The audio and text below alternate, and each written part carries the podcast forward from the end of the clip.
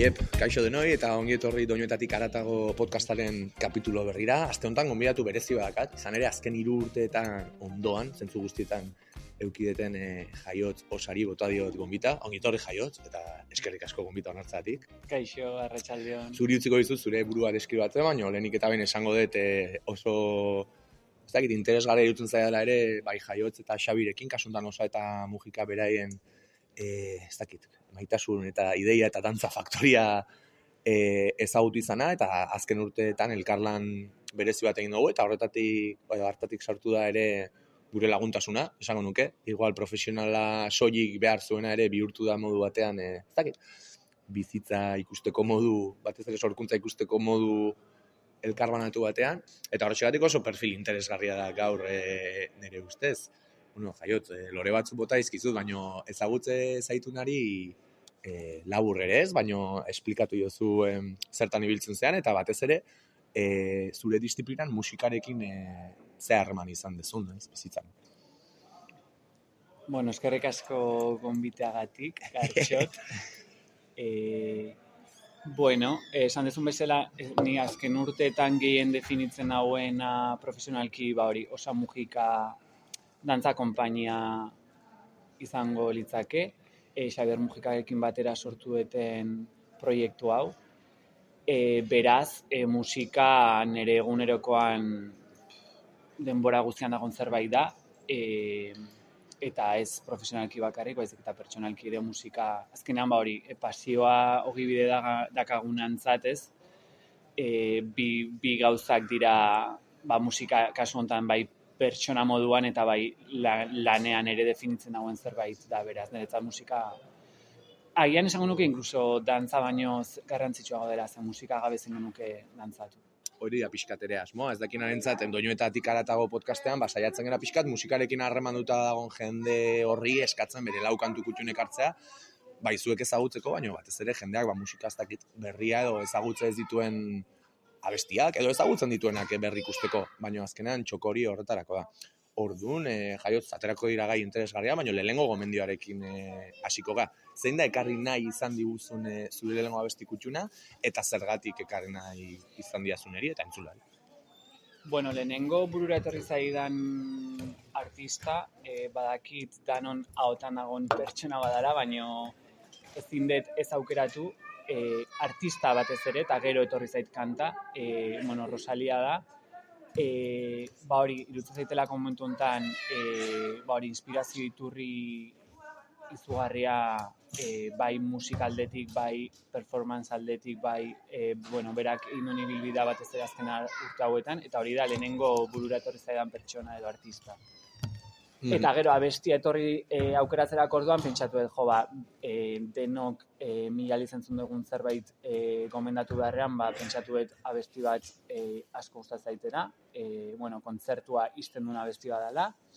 Cute izena du, eta bueno, abesti honetan e, zerbait izatearen e, asko gustatzen e, ze ezberdintasun dagoen abestiaren baitan bi, bi alde oso ezberdintulako eta gustatzen zait e, nola baiteko nasketa hori, mm, abesti honetan. Bai, eh, ez dakit nola esaten da. Osea, koma bat ere ez dizuke kenduko. Eh, ezaguna da, Rosaliaren eh, figura nik sentsazioa dakat, dala eh, artista bat, sortzaile bat, askotan eh, jende askorekin pasatzen da, baina jo, mila aldiz ikusten dut jendea eh, emakume honen inguruan A, B, do, C, do, D eh, gauz eta zitze egiten, eta ez benetan eh, ez dakit zer esana edo balioa duten gauzen inguruan mila aldiz eh, egotzi zaizkio ez dakize tradizio hartu eta pum, ez dia letrak ulertzen, bla, bla, bla, soinu hau oso zea da, eta nik ere asko maite duten sortzaioa da, eta eredugarria irutzen zait gainera, e, ideia batetik abiatu, zure buduaren e, fideltasuna mantendu, artea ere,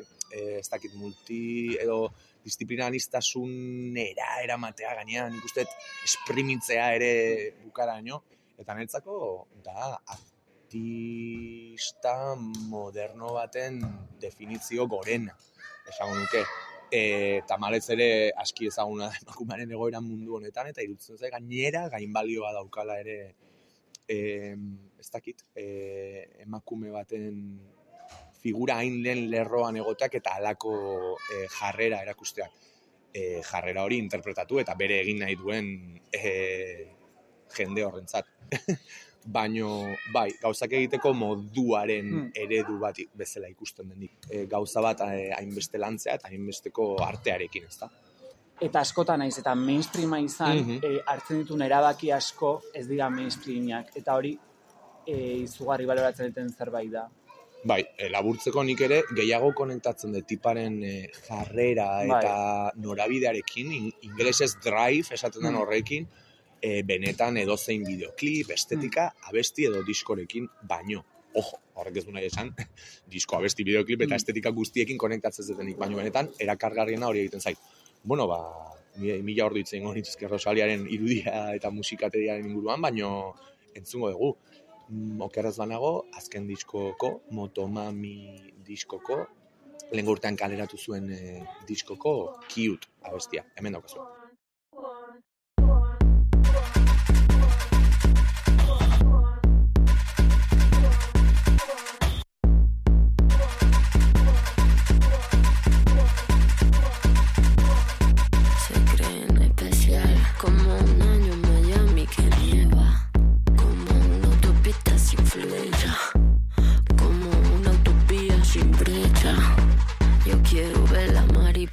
Suelta.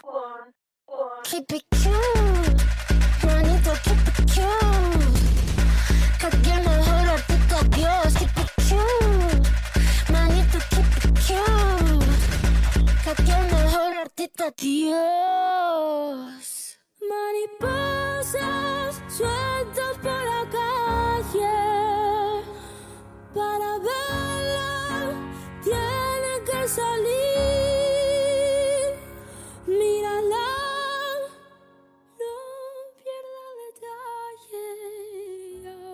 quien te falle, pero yo siempre estoy ahí.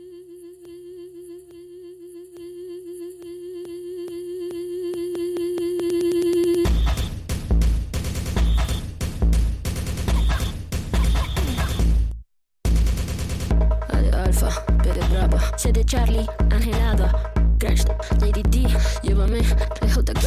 A de Alfa, B de Brava, C de Charlie, Angelada, Crash, Lady D, llévame, lejos de aquí.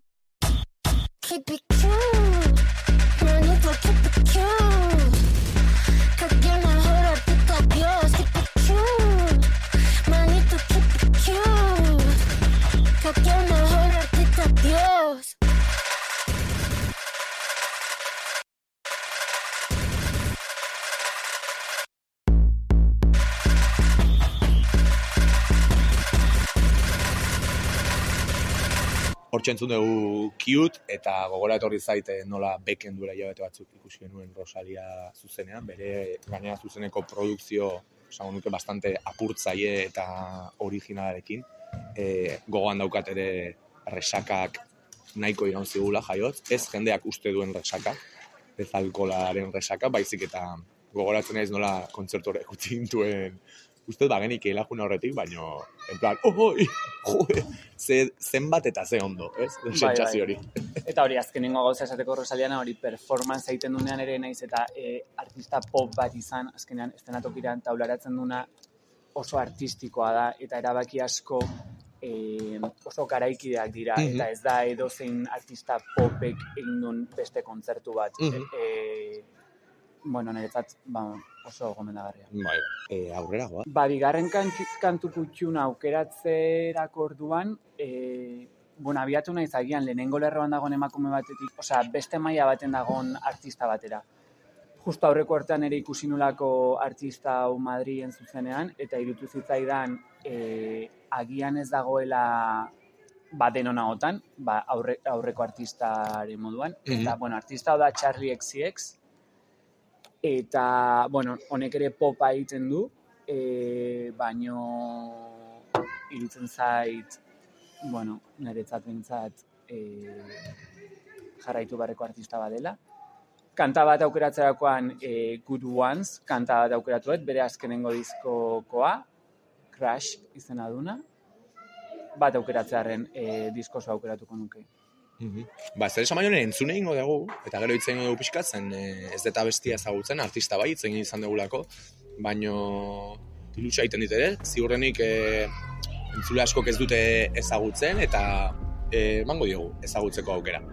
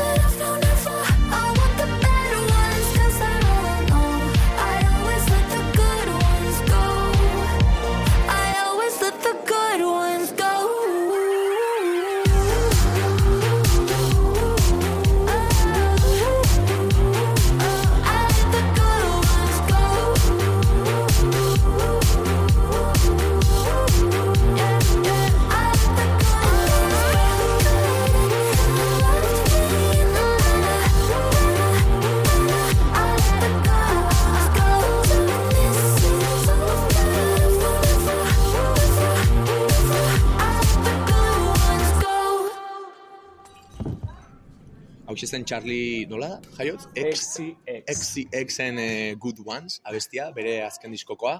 E, nik ezagutzen dut izenez, askotan pasatzen da ere konsumitzen ditugun, ez dakit, eh, ba, musikari, plataforma eta beste guztioetan e, informazio askorekin topatzen gea, eta niri e, emakumeen izenak e, sonatzen dit, baina egia da ez detela beste emakume asko bezain beste entzun.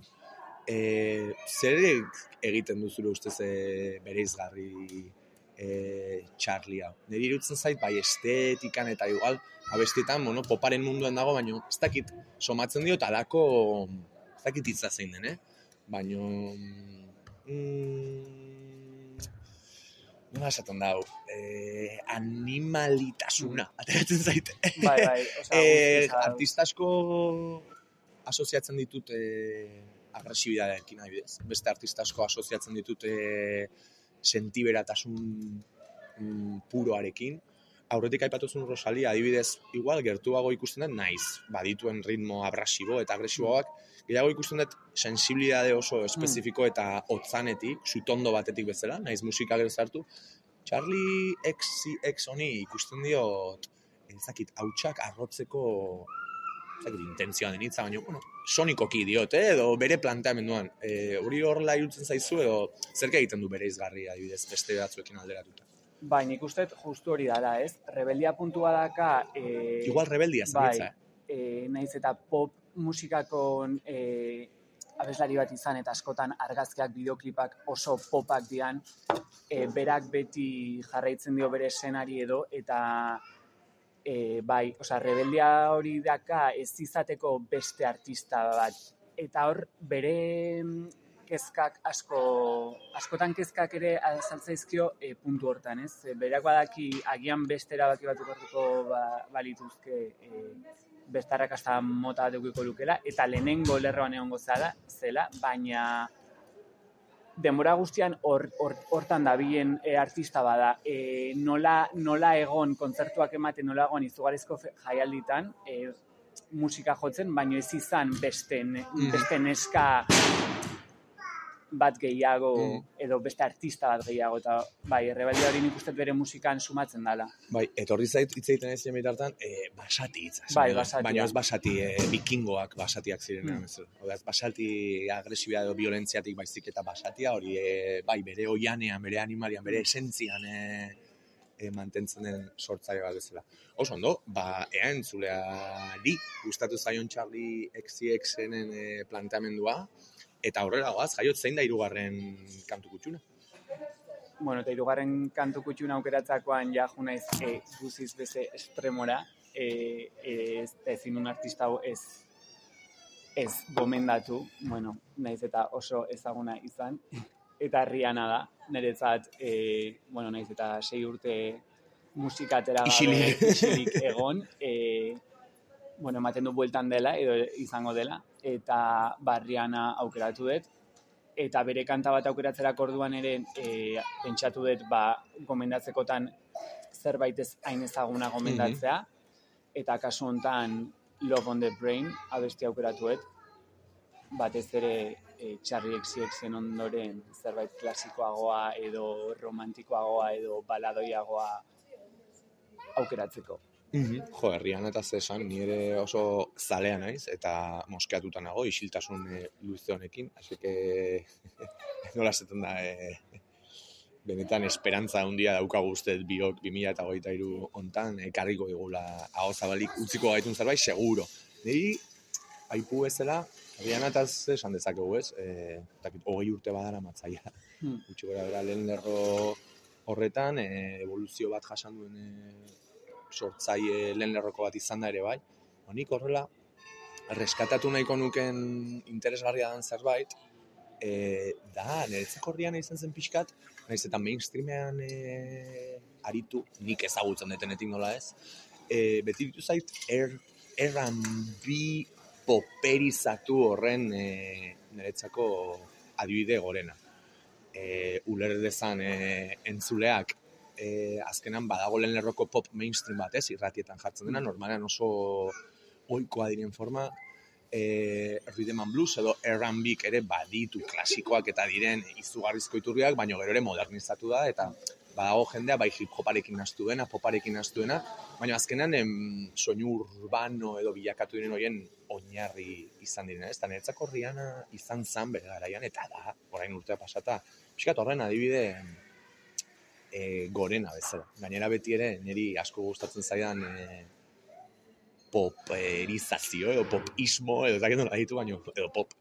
Eta goxotasun horretatik. Nola ez gainera oso ahots berezia dauka. Ni bastante frikia naiz ere timbreak e, hau da niretzako gustatzen zaizu ez? Ez dauka Mm. ondo edo gaizkirekin zerikusirik baino bai e, erreferente bat erreferente bat eta bere isiltasuna ere ez dakit e, kuriosoa ez badakazu teorianen bat edo zu Jo, ba, ikusita behatzi, sortzi edo behatzi disko ate ditu. Bai, bai. Ez, ez ba hori esan zuen ez da, e, amabost urteetan agian, behatzi disko, e, behatzi jira e, munduan zehar, baina, baina ikustet, e, ba hori, dana indula eta geratu dela, ba hori, ustuta igual ustuta, bai, eta bizi, bizitza, bizitze, bizitzeko momentu eritxe zaiola. Mhm. Eta orain nik pentsatzet, jo, ba, bueltatu behar da, baino, gero aldiz pentsatzet, pentsatuko eske dana, dana egin dut, ja, osea, ze hasiko nahi male, maleta hartu eta e, berriro e, munduan zea, osea, ez dakit, baino, bai, Zea, trikitixa ikasten hasi barko da, ba, adibidez, alako zerbait, unan berritasun pixkat. Oso ondo, ba, hemen txentzungo dugu jaiotzen hirugarren kantu kutxuna, e, Rihannaren nola esan duzu Love in the Brain. Love on the brain, On the Brain, e, maitasuna garunean, ez? hori da. Ok, let's go.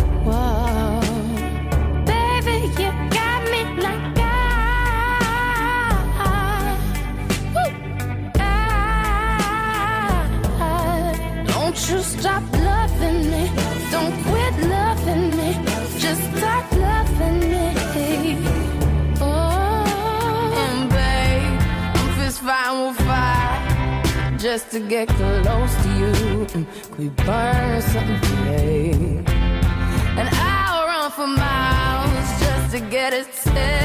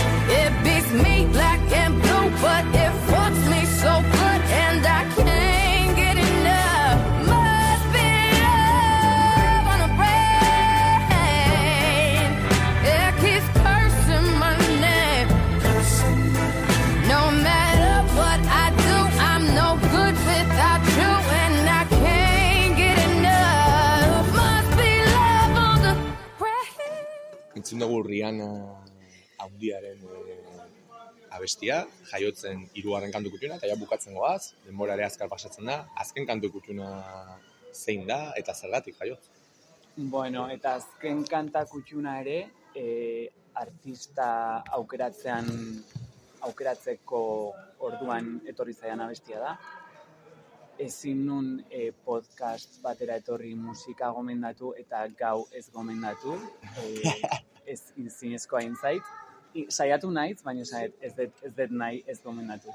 Beraz gau, e, bueno, nire parte den, nire parte sentitzen duten lehenengo musikako zerbait. Mhm. E, lehen esan bezala niretzat musika oso garrantzitsua eta proiektu honetan e, osa musika bertan egotea eta sorkuntzaren parte izatea oso berezia izan da guretzat azken urte hauetan, eta horregaitik aukeratu dut artista hau, hau da zu, gartxot, gartxot hau. Eta beste aukeratzeko orduan ere, e, ba, niretzat bereziena den agian, edo kutxunena, bai letra aldetik eta bai nola sortu zen, eta ilargian eseri aukeratu dut. Demon. Temon.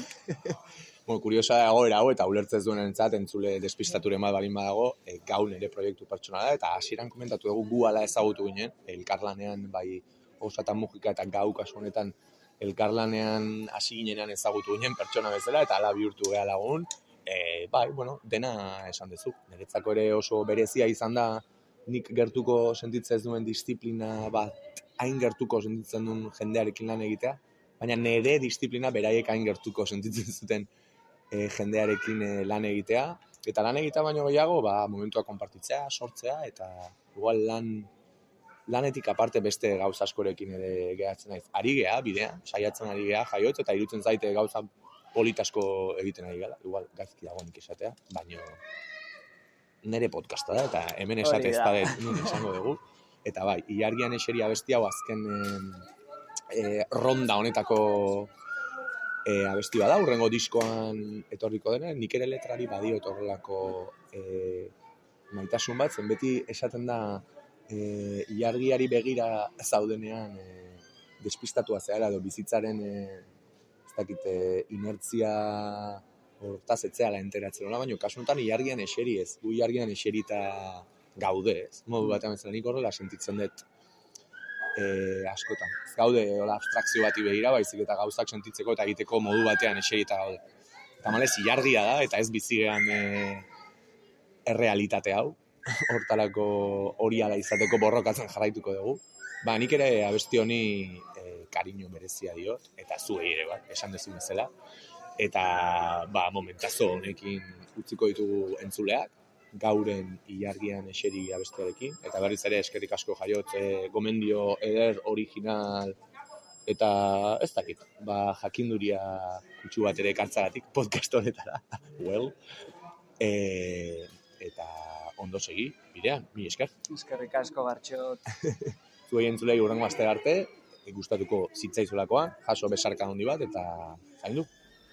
Naiz da askotan ez dagon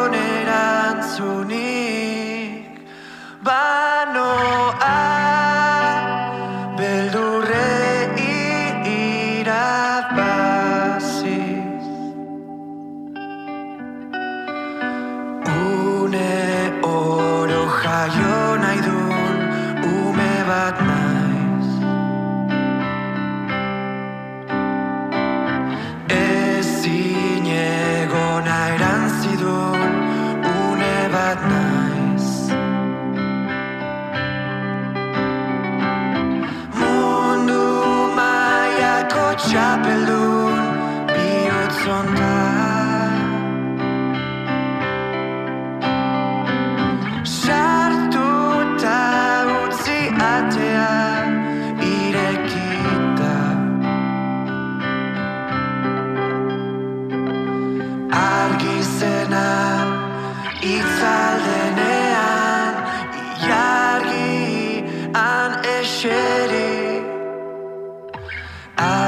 say now